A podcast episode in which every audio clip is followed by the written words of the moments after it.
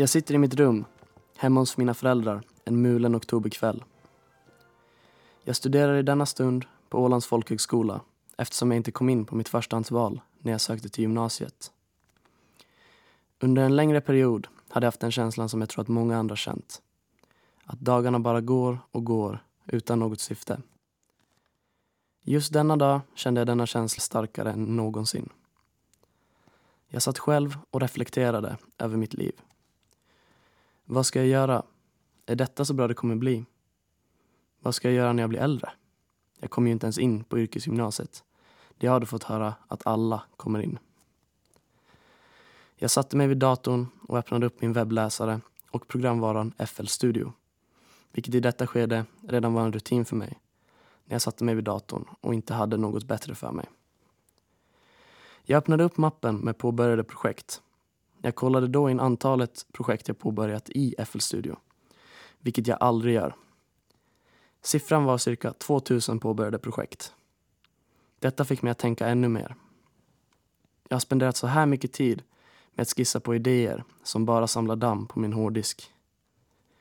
Mina betyg var en bra bit under genomsnitt. Jag hade för ett år sedan slutat spela hockey för att jag inte hade tillräckligt mycket drivkraft när det började bli mer seriöst. Och jag kände mig även lite som en medelmåtta när det kom till mitt sociala umgänge. Ju mer jag tänkte på allt detta började jag komma till en slutsats. Det är mitt fel. Det är mitt fel att jag känner så här. Att jag känner mig som en medelmåtta. Äntligen trillade myntet ner för mig. Jag insåg att det bara är jag som kan skapa en förändring i mitt liv. Jag kan inte sitta runt och vänta på att någon ska komma och hjälpa mig från ingenstans. Jag måste ta tag i detta själv. Mitt namn är Linus Aldeborg och du lyssnar på Pregames sommarprat.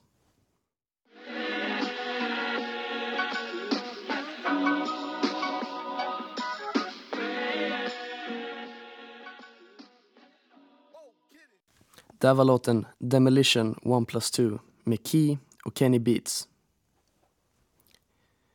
Musik har alltid fyllt en stor funktion i vår familj.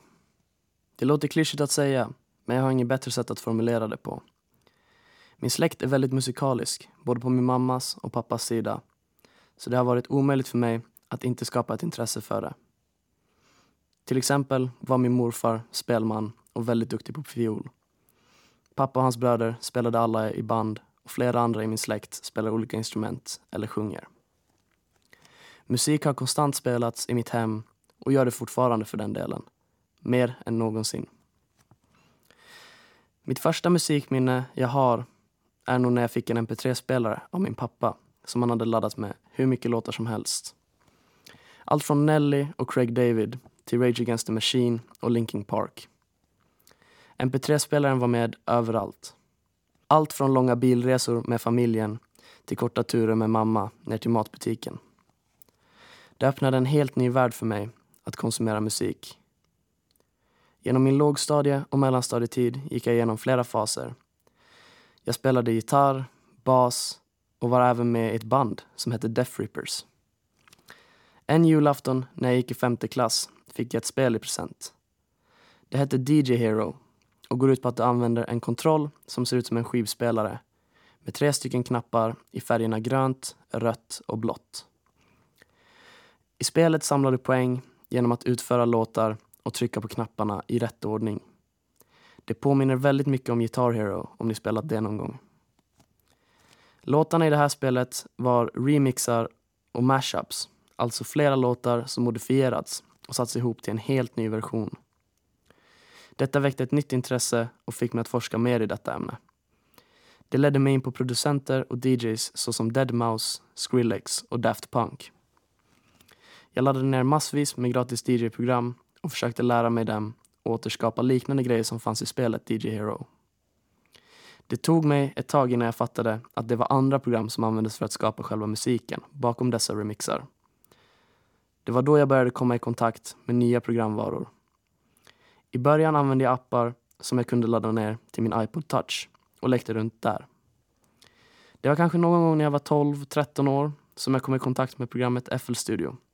Eller Fruity Loops som det hette tidigare. Vilket är samma program jag använder idag faktiskt. Jag började leka runt med programmet och det var verkligen som en ny värld hade öppnats för mig. Det var som ett nytt tv-spel för mig och jag blev helt fast. Jag spenderade stora delar av min vakna tid att försöka förstå hur det funkade.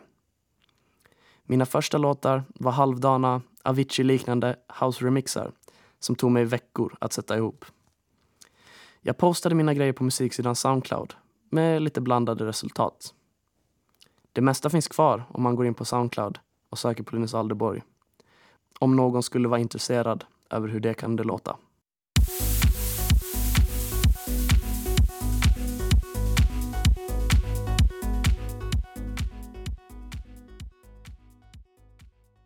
Nu hörde vi Strobe av Deadmau5. Mitt namn är Linus och du lyssnar på Pregames sommarprat. Min definition av musikproduktion på den här tiden, runt 2011-2012, var eh, EDM-DJs eh, och sådana typer av producenter. Men lite visste jag att jag skulle bli introducerad till något helt nytt väldigt snart. När jag och mina vänner hängde i högstadiet var vi som många andra. Vi drog till minimarket, köpte Euroshopper energidricka, något att äta, åkte antingen hem till någon och chillade eller drog till någon annan plats ute och gjorde detsamma. Jag gillade också att klättra på den här tiden. Och då menar jag inte klättra på klättervägg eller i berg. Utan på vattenmärken, hustak, byggarbetsplatser och liknande. När jag kollar tillbaka på det nu hade jag ingen aning om vad jag höll på med. Men på den tiden var det något speciellt med det. Antagligen någon sån sjuk adrenalinboost av att vara högt uppe på ställen man inte borde vara på. I alla fall var jag uppe i en bygghiss en dag och min mamma gick förbi när hon var ute med hunden. Jag fick utegångsförbud halva sommaren och efter det var det nog slutet för min klättringskarriär. Ser en serie för att somna Hör en låt om att vara kär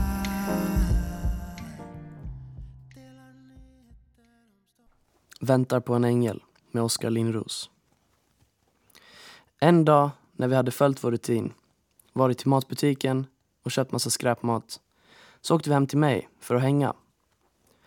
Jag slog på min dator och tänkte lägga på lite musik medan vi var där. Min vän Benjamin frågar då om jag hört om trap. Jag svarar, nej jag har aldrig hört om det. Vad är det för något?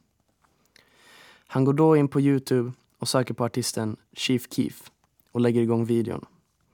Jag har aldrig hört eller sett något liknande. I låten hör man bläckblåsinstrument som spelar två ackord och en barnröst som säger Young Chop on the beat.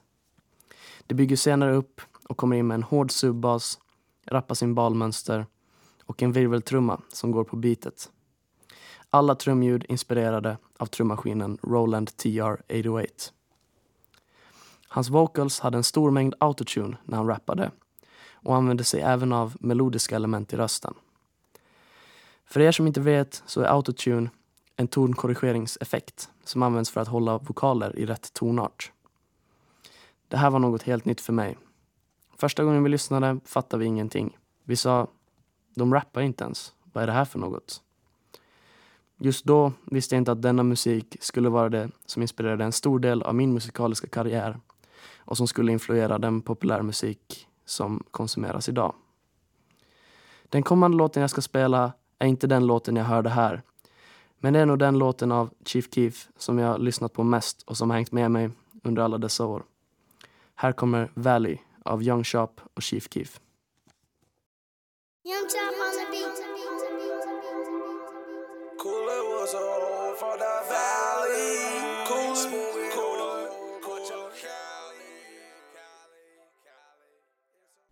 Jag blev helt insatt i trap efter att jag började gilla Chief Keef.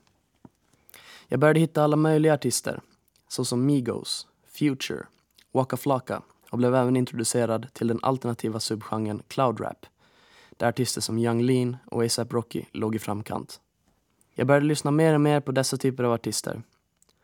En stor del av det som fick mig att uppskatta deras musik var artisternas leverans och flow i kombination med produktionerna och ljudlandskapet de rörde sig i. Jag ville lära mig göra musik som lät som deras. Så jag började jobba mot det. Jag studerade deras sound, kollade på Youtube och läste in mig på olika forum och bloggar för att försöka återskapa det soundet de hade. Jag misslyckades grovt till en början. Men som med allt annat här i världen, ju mer du övar, desto bättre blir du. Allt mer av min fritid började gå till att producera musik. Direkt när jag kom hem från skolan satte jag mig och gjorde beats. Kanske tog en snabb paus för att äta och stannade uppe sent på kvällarna för att göra ännu mer beats. Min sömn tog ganska mycket stryk på grund av detta, vilket även gjorde att jag inte var värst aktiv den tiden jag var i skolan. Dålig sömn plus låg motivation i skolan ledde såklart till sänkta betyg för mig.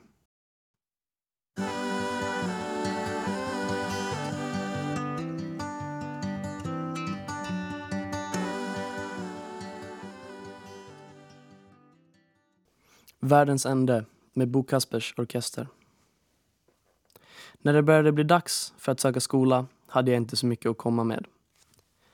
Jag kom inte in på mitt förstahandsval, företagsekonomi på Ålands yrkesgymnasium. Stressen ökade på när jag började höra att majoriteten av mina vänner kom in på sina val.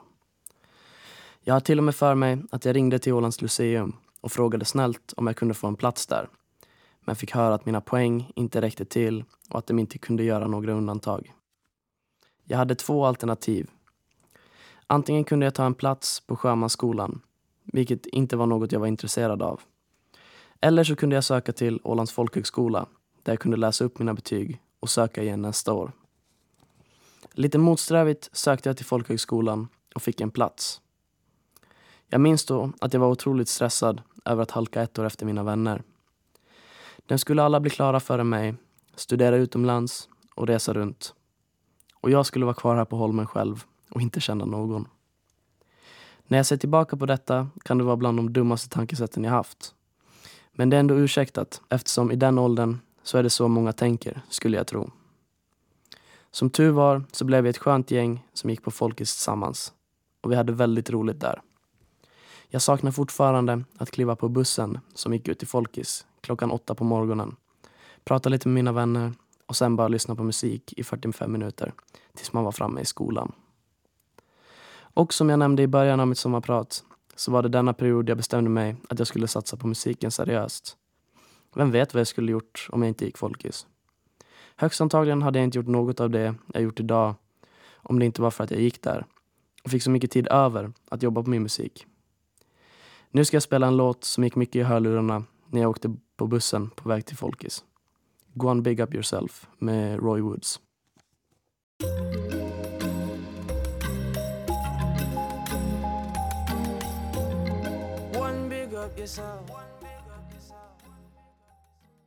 Det är här det börjar på riktigt för mig. Jag har bestämt mig att jag ska bli producent. Hur det skulle gå till visste jag inte riktigt än. Men det kändes som en milstolpe för mig att jag skulle börja referera till mig själv som musikproducent. Jag hade ett problem dock. Jag bor på Åland och jag känner absolut ingen i musikindustrin. Men jag hittade snabbt en lösning på det. Jag såg att folk lade upp sina beats online och sålde dem till artister för bra pris och på så sätt fick ut sina låtar och kunde nätverka med andra producenter. Jag tänkte direkt att det där verkar helt perfekt för mig. Så jag satte helt enkelt igång. Jag registrerade mig på en sida som heter Tracktrain där du kan ladda upp dina beats, bestämma priser och licenser för dina instrumentaler och sedan marknadsföra dem på andra sidor såsom Soundcloud och Youtube för att sälja dem. När detta var klart sökte jag upp tempot. Jag började göra 15-20 beats i veckan och laddade upp allt. Vare sig det var bra eller dåligt. Och jag brydde mig inte alls om vem som skulle använda dem. Allt jag önskade var att någon skulle hoppa på dem. Jag minns fortfarande första gången jag sålde en instrumental till någon. Det var en kille i Frankrike som köpte en licens av mig. Jag fick upp en notifikation att jag tagit emot 100 euro för bitet. Och jag trodde inte att det var sant. Jag var i skolan då, så jag började berätta om det till mina vänner och trodde helt enkelt att det var något fel på min app. Att någon faktiskt betalade mig för något jag skapat helt själv på min dator var ofattbart. Men tydligen var det sant. Killen som skrev till mig frågade om alla filer till instrumentalen och vi hade en kort diskussion via e-mail. Låten släpptes aldrig och jag vet inte ens vad artisten hette. Men jag önskar nu att jag kunde gå tillbaka och tacka han ännu mer för att han var den första personen som betalade för ett bit av mig. Detta gav mig motivation till att fortsätta och jag körde på för fullt. Jag började sälja lite mer beats här och där och det kändes otroligt. Jag började även jobba med massa producenter jag träffade online. Jag hörde av mig till alla möjliga och ville helt enkelt jobba med alla jag kunde få tag i. Jag hittade en producent på Soundcloud som heter Isak von Hartman. Han gjorde exakt den typen av beats som jag gjorde och strävade efter att göra. Och han verkade få mycket kärlek av folk på Soundcloud. Så jag bestämde mig för att mejla honom och fråga om han skulle vara intresserad av att lyssna på mina beats.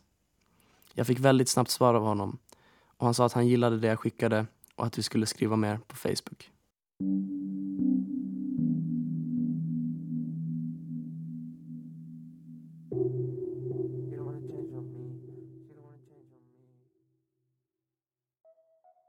Där hörde du Acid at 7-Eleven med Young Lean. Och du lyssnar på Pregames sommarprat. Jag och Hartman börjar snacka på Facebook. Han berättar för mig att han är fett sugen på att jobba men att han känner sig väldigt över hela den här sälja beats online-grejen och jobbar nu mest med svenska artister. Jag säger till honom att jag inte har någon koll på den svenska scenen och frågade lite vilka han jobbat med och vad han håller på med nu. Jag fick då veta att han gjorde en av de första traplåtarna i Sverige. Den heter Måste med Dens. Han tycker att jag också borde prova höra av mig till lite svenska artister och bygga lite relationer där. Jag blev inspirerad och sa att jag skulle kolla in lite mer vad den svenska musiken hade att erbjuda samtidigt som vi började jobba tillsammans på lite beats. En dag frågade han mig om jag inte ska komma över till Stockholm något. Jag svarade att jag kan komma vilken helg som helst. Så jag köper en båtbiljett till Sverige och tar mig över. Mina gudföräldrar bor i Stockholm så jag hör av mig till dem och frågar om jag skulle kunna få sova hos dem över helgen. Och de säger att det går hur bra som helst. Så nu har jag i alla fall boende i Stockholm. Men jag var fortfarande nervös. Jag hade aldrig träffat killen, hade sjukt dålig koll på stan och jag får dit helt själv. Jag var 17 på den här tiden tror jag. Som tur var Tim, en annan vän jag lärt känna online i Stockholm då. Så vi bestämde oss för att träffas. Hartman skickade mig adressen till sin lägenhet och jag åkte dit tillsammans med Tim. Jag knackade på, vi hälsade och snackade lite. Sen satte vi oss direkt framför hans enorma tv-skärm han kopplade till datorn och började göra beats. Vi jobbade hela natten och fortsatte även dagen efter. Andra dagen jag var där sa han att en annan producent från USA skulle komma dit. Jag visste inte vem det var. Men Isak visade mig hans Instagram. Då blev jag lite lätt stressad. Jag såg att den här killen hade jobbat med artister som Drake, Young Thug, Lil Baby med flera.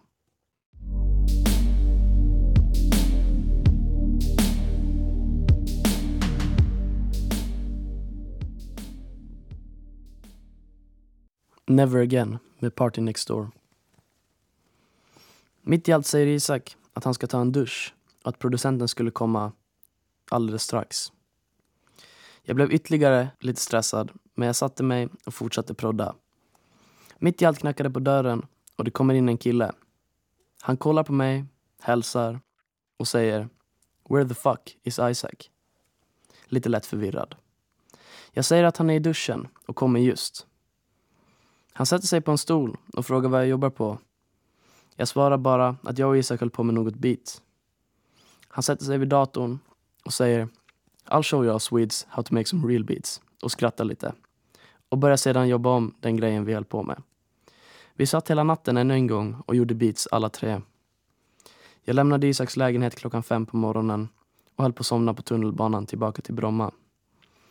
Detta var första gången jag gjorde beats med en annan producent in real life och blev då också första gången jag var i Sverige i syfte att jobba på musik.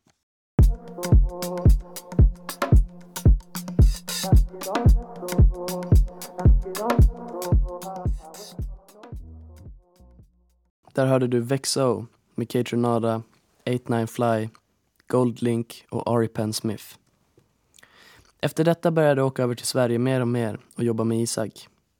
Han introducerade mig till en massa artister och lärde mig även mycket om hur musikbranschen fungerar och hur man ska röra sig. Vore det inte för honom skulle jag antagligen inte gjort många av låtarna jag gjort idag, stora som små. Samtidigt var jag med i ett kollektiv med några vänner som jag träffat online. Kollektivet går idag under namnet Vintertid och jag är inte med där längre. Men på den här tiden så hette vi Cashout Click och vi var alldeles för många där för att nämna alla vid namn. Men jag vill ge en stor shoutout till alla som var med där i alla fall. Vi gjorde mest musik tillsammans och bollade idéer med varandra. Men vi hade också några spelningar tillsammans som var sjukt roliga. Nu var jag 18 och började hänga mer och mer i Sverige. Det var otroligt kul att få skapa musik in real life med alla man pratat med online och även träffat massa nya personer och folk som man själv lyssnat på. Jag hade en stor svaghet på den här tiden dock. Jag kunde endast göra beats. Jag hade extremt dålig koll på hur man spelade in, mixade och masterade låtar. På grund av detta kände jag mig inte så trygg i att sitta i sessions och förlitade mig väldigt mycket på andra. Jag hade inte riktigt behövt den kunskapen än heller eftersom de flesta låtar jag jobbade på var via nätet. Antingen genom att samarbeta med andra producenter eller genom att skicka beats till dem på e-mail. In fact så har mina största samarbeten varit så Fricky, Dutti Dior, Einar, Unge Ferrari, Ivory med flera har varit genom att jag skickat beats eller jobbat på beatet tillsammans med någon annan. Det har varit otroligt smidigt för mig med tanke på var jag är lokaliserad. Men gjorde mig samtidigt lite lat. Det var liksom alltid någon annan som skötte inspelning, mixning och allt sånt. Men jag kan säga att jag fick lära mig detta den hårda vägen.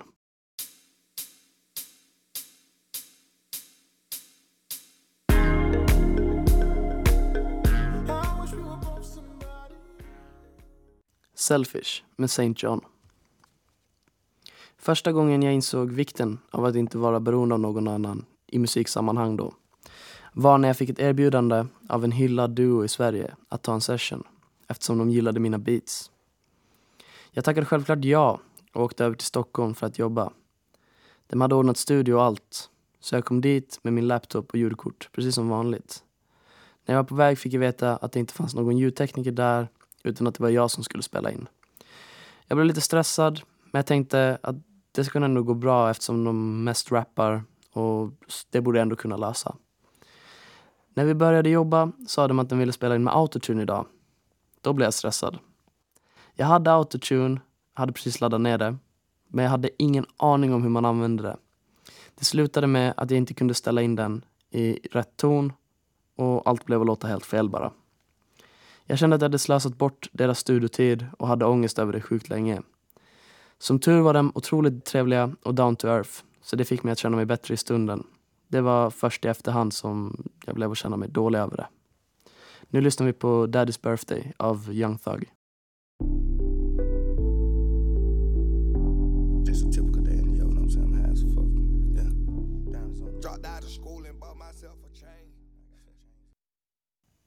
Jag tror personligen att det finns både för och nackdelar med att komma från ett ställe så som Åland. Den stora, lite obvious nackdelen med att komma från Åland är att det är lite avskärmat. Speciellt när det kommer till musikbranschen. Jag tror dock att detta gäller för de flesta mindre ställen i världen. Men hela grejen förstärks så mycket när man är omringad av vatten och är tvungen att ta båt eller flyg för att ta sig någonstans. Även om det kanske inte är så jättelångt bort. Men för min egen del har jag på senare tid börjat hitta fler och fler fördelar. När du är på en så liten plats så är det så mycket färre distraktioner. När jag är här kan jag verkligen låsa in mig i studion, helt i lugn och ro, jobba på mina grejer och utforska nya territorier i mitt kreativa skapande och dra inspiration från miljön jag har runt om mig, utan att någon stör. Istället för att vara mitt i en scen så har jag möjlighet att studera den på distans och forma ett eget perspektiv om hur den funkar. Jag tror detta har påverkat mycket hur jag skapar musik. Speciellt på senare tid. Det finns en väldigt stor chans att mina grejer hade låtit väldigt annorlunda ifall jag var baserad i en större stad. Alberto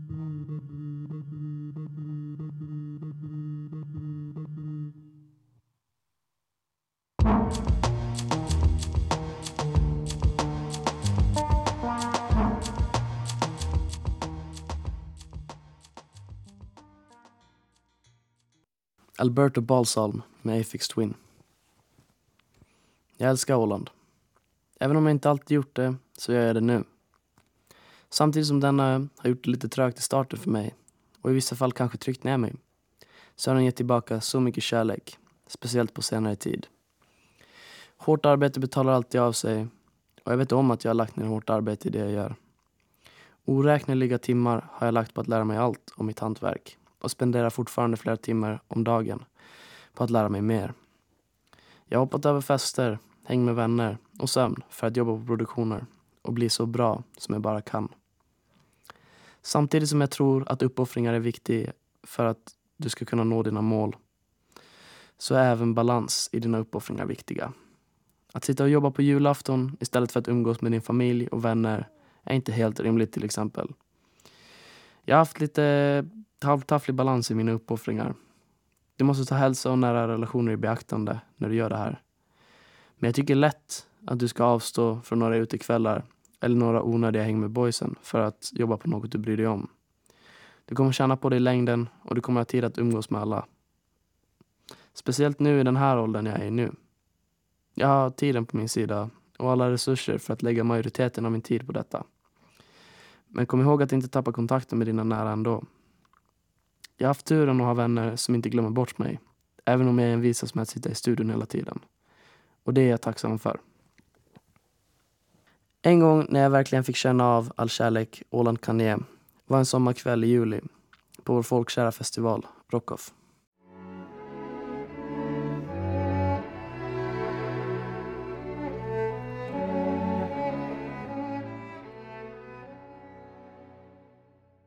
Där hörde du 2009 av Mac Miller.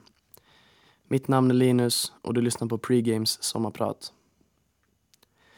Den 25 juli skulle den hyllade svenska artisten Fricky spela på Rockoff. Jag har sedan tidigare jobbat med flera personer från crewet Random Bastards som Fricky är en del av. Och artisten Gonzara hade tillsammans med Hartman varit och bott hos mig tidigare på sommaren.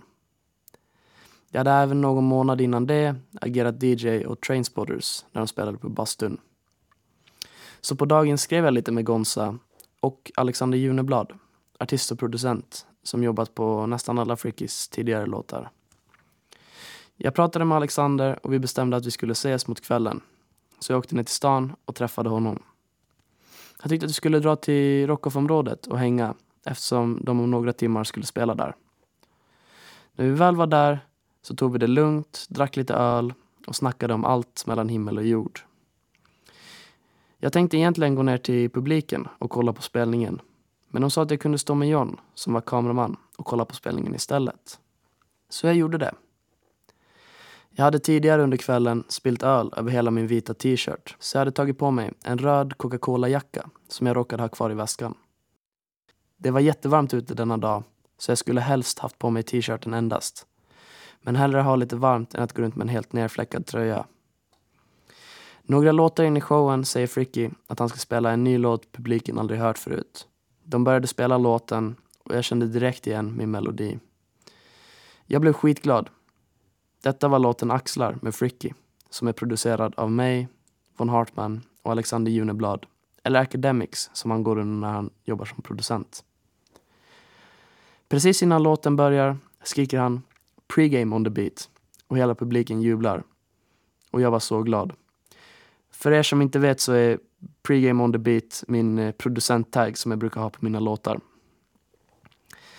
Efter det njuter jag av hela showen på sidan av scenen. Jag minns inte riktigt hur något ledde till detta men mot slutet av showen så börjar någon i publiken skrika pre-game, pre-game och hela publiken hänger med. Efter det börjar Fricky göra en freestyle om just pregame där han bara sa en massa saker om mig. Medan han gjorde det kommer Gonza fram till mig och säger Det är dags att dra ut på scenen nu. Du kan inte stå här och smyga. Lite smått förvirrad frågar jag Är du säker? Han bara nickar och ger mig en lätt knuff på ryggen. Så jag börjar smyga ut på scenen. Efter detta har jag inte så mycket minne av vad som hände. Jag minns bara att jag var helt uppe i varv och att de började spela hans megahit Aquaura och att jag stod och hoppade och slängde vatten på publiken. Efter hans show satt jag pratade lite med Fricky och hela gänget där. Och då sa de en sak till mig. Du har ju sjukt mycket love i din stad. Inte ofta man har varit med om en producent som fått sådan här jubel i sin stad på någon annan spelning. Jag tyckte det var ett eh, intressant påstående. Jag har faktiskt ingen aning om hur det blev så. Då hade jag knappt någon aning om att någon kunde mitt namn eller vad jag höll på med. Så det kändes eh, otroligt bra. Resten av kvällen brydde jag mig inte om något. Inget kunde få mig att må dåligt den kvällen. Jag bara njöt. Tack till alla som visat mig kärlek och tack till Random Bastards som lät mig komma med på scenen. Även fast jag egentligen inte hade så mycket där att göra.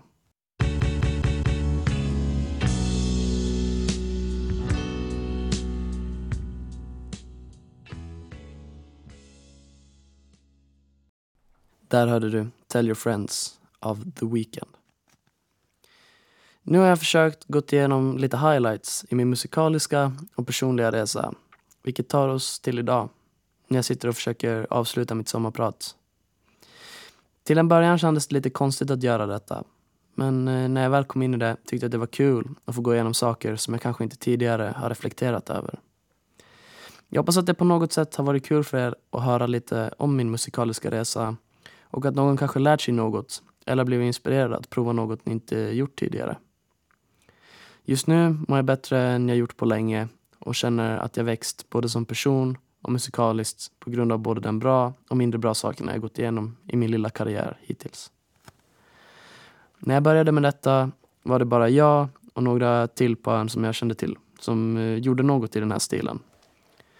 Nu börjar jag se allt fler och fler som satsar på att göra sin grej även om det kanske känns svårt att starta något härifrån. Och detta gör mig otroligt glad. Jag hoppas att antalet unga producenter, artister, designers, filmare, produktionsbolag, kollektiv, arrangörer, entreprenörer och allt annat i den sfären som jag kanske glömt att nämna bara ökar och att vi kan visa världen vilken talang som finns på denna ö.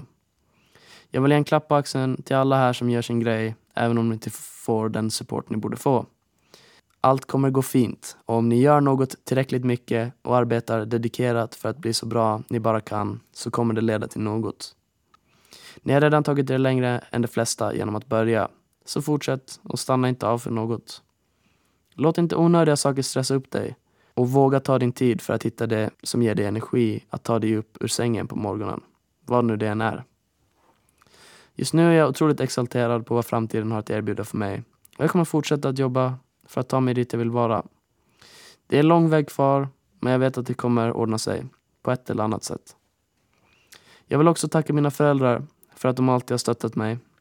Mina gudföräldrar som alltid låtit mig bo hos dem om jag inte haft boende när jag var och jobbade i Sverige. Min flickvän Vanna som står ut med mig när jag sitter alldeles för sent och länge i studion. Mina kollegor här på ön och i Sverige som jag jobbar med och som alltid motiverar mig och pushar mig till att göra nya grejer.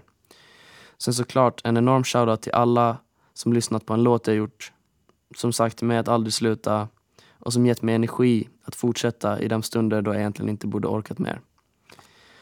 Mitt namn är Linus Alderborg och du har lyssnat på Pregame Sommarprat. Tack för att du har orkat lyssna ända till slutet.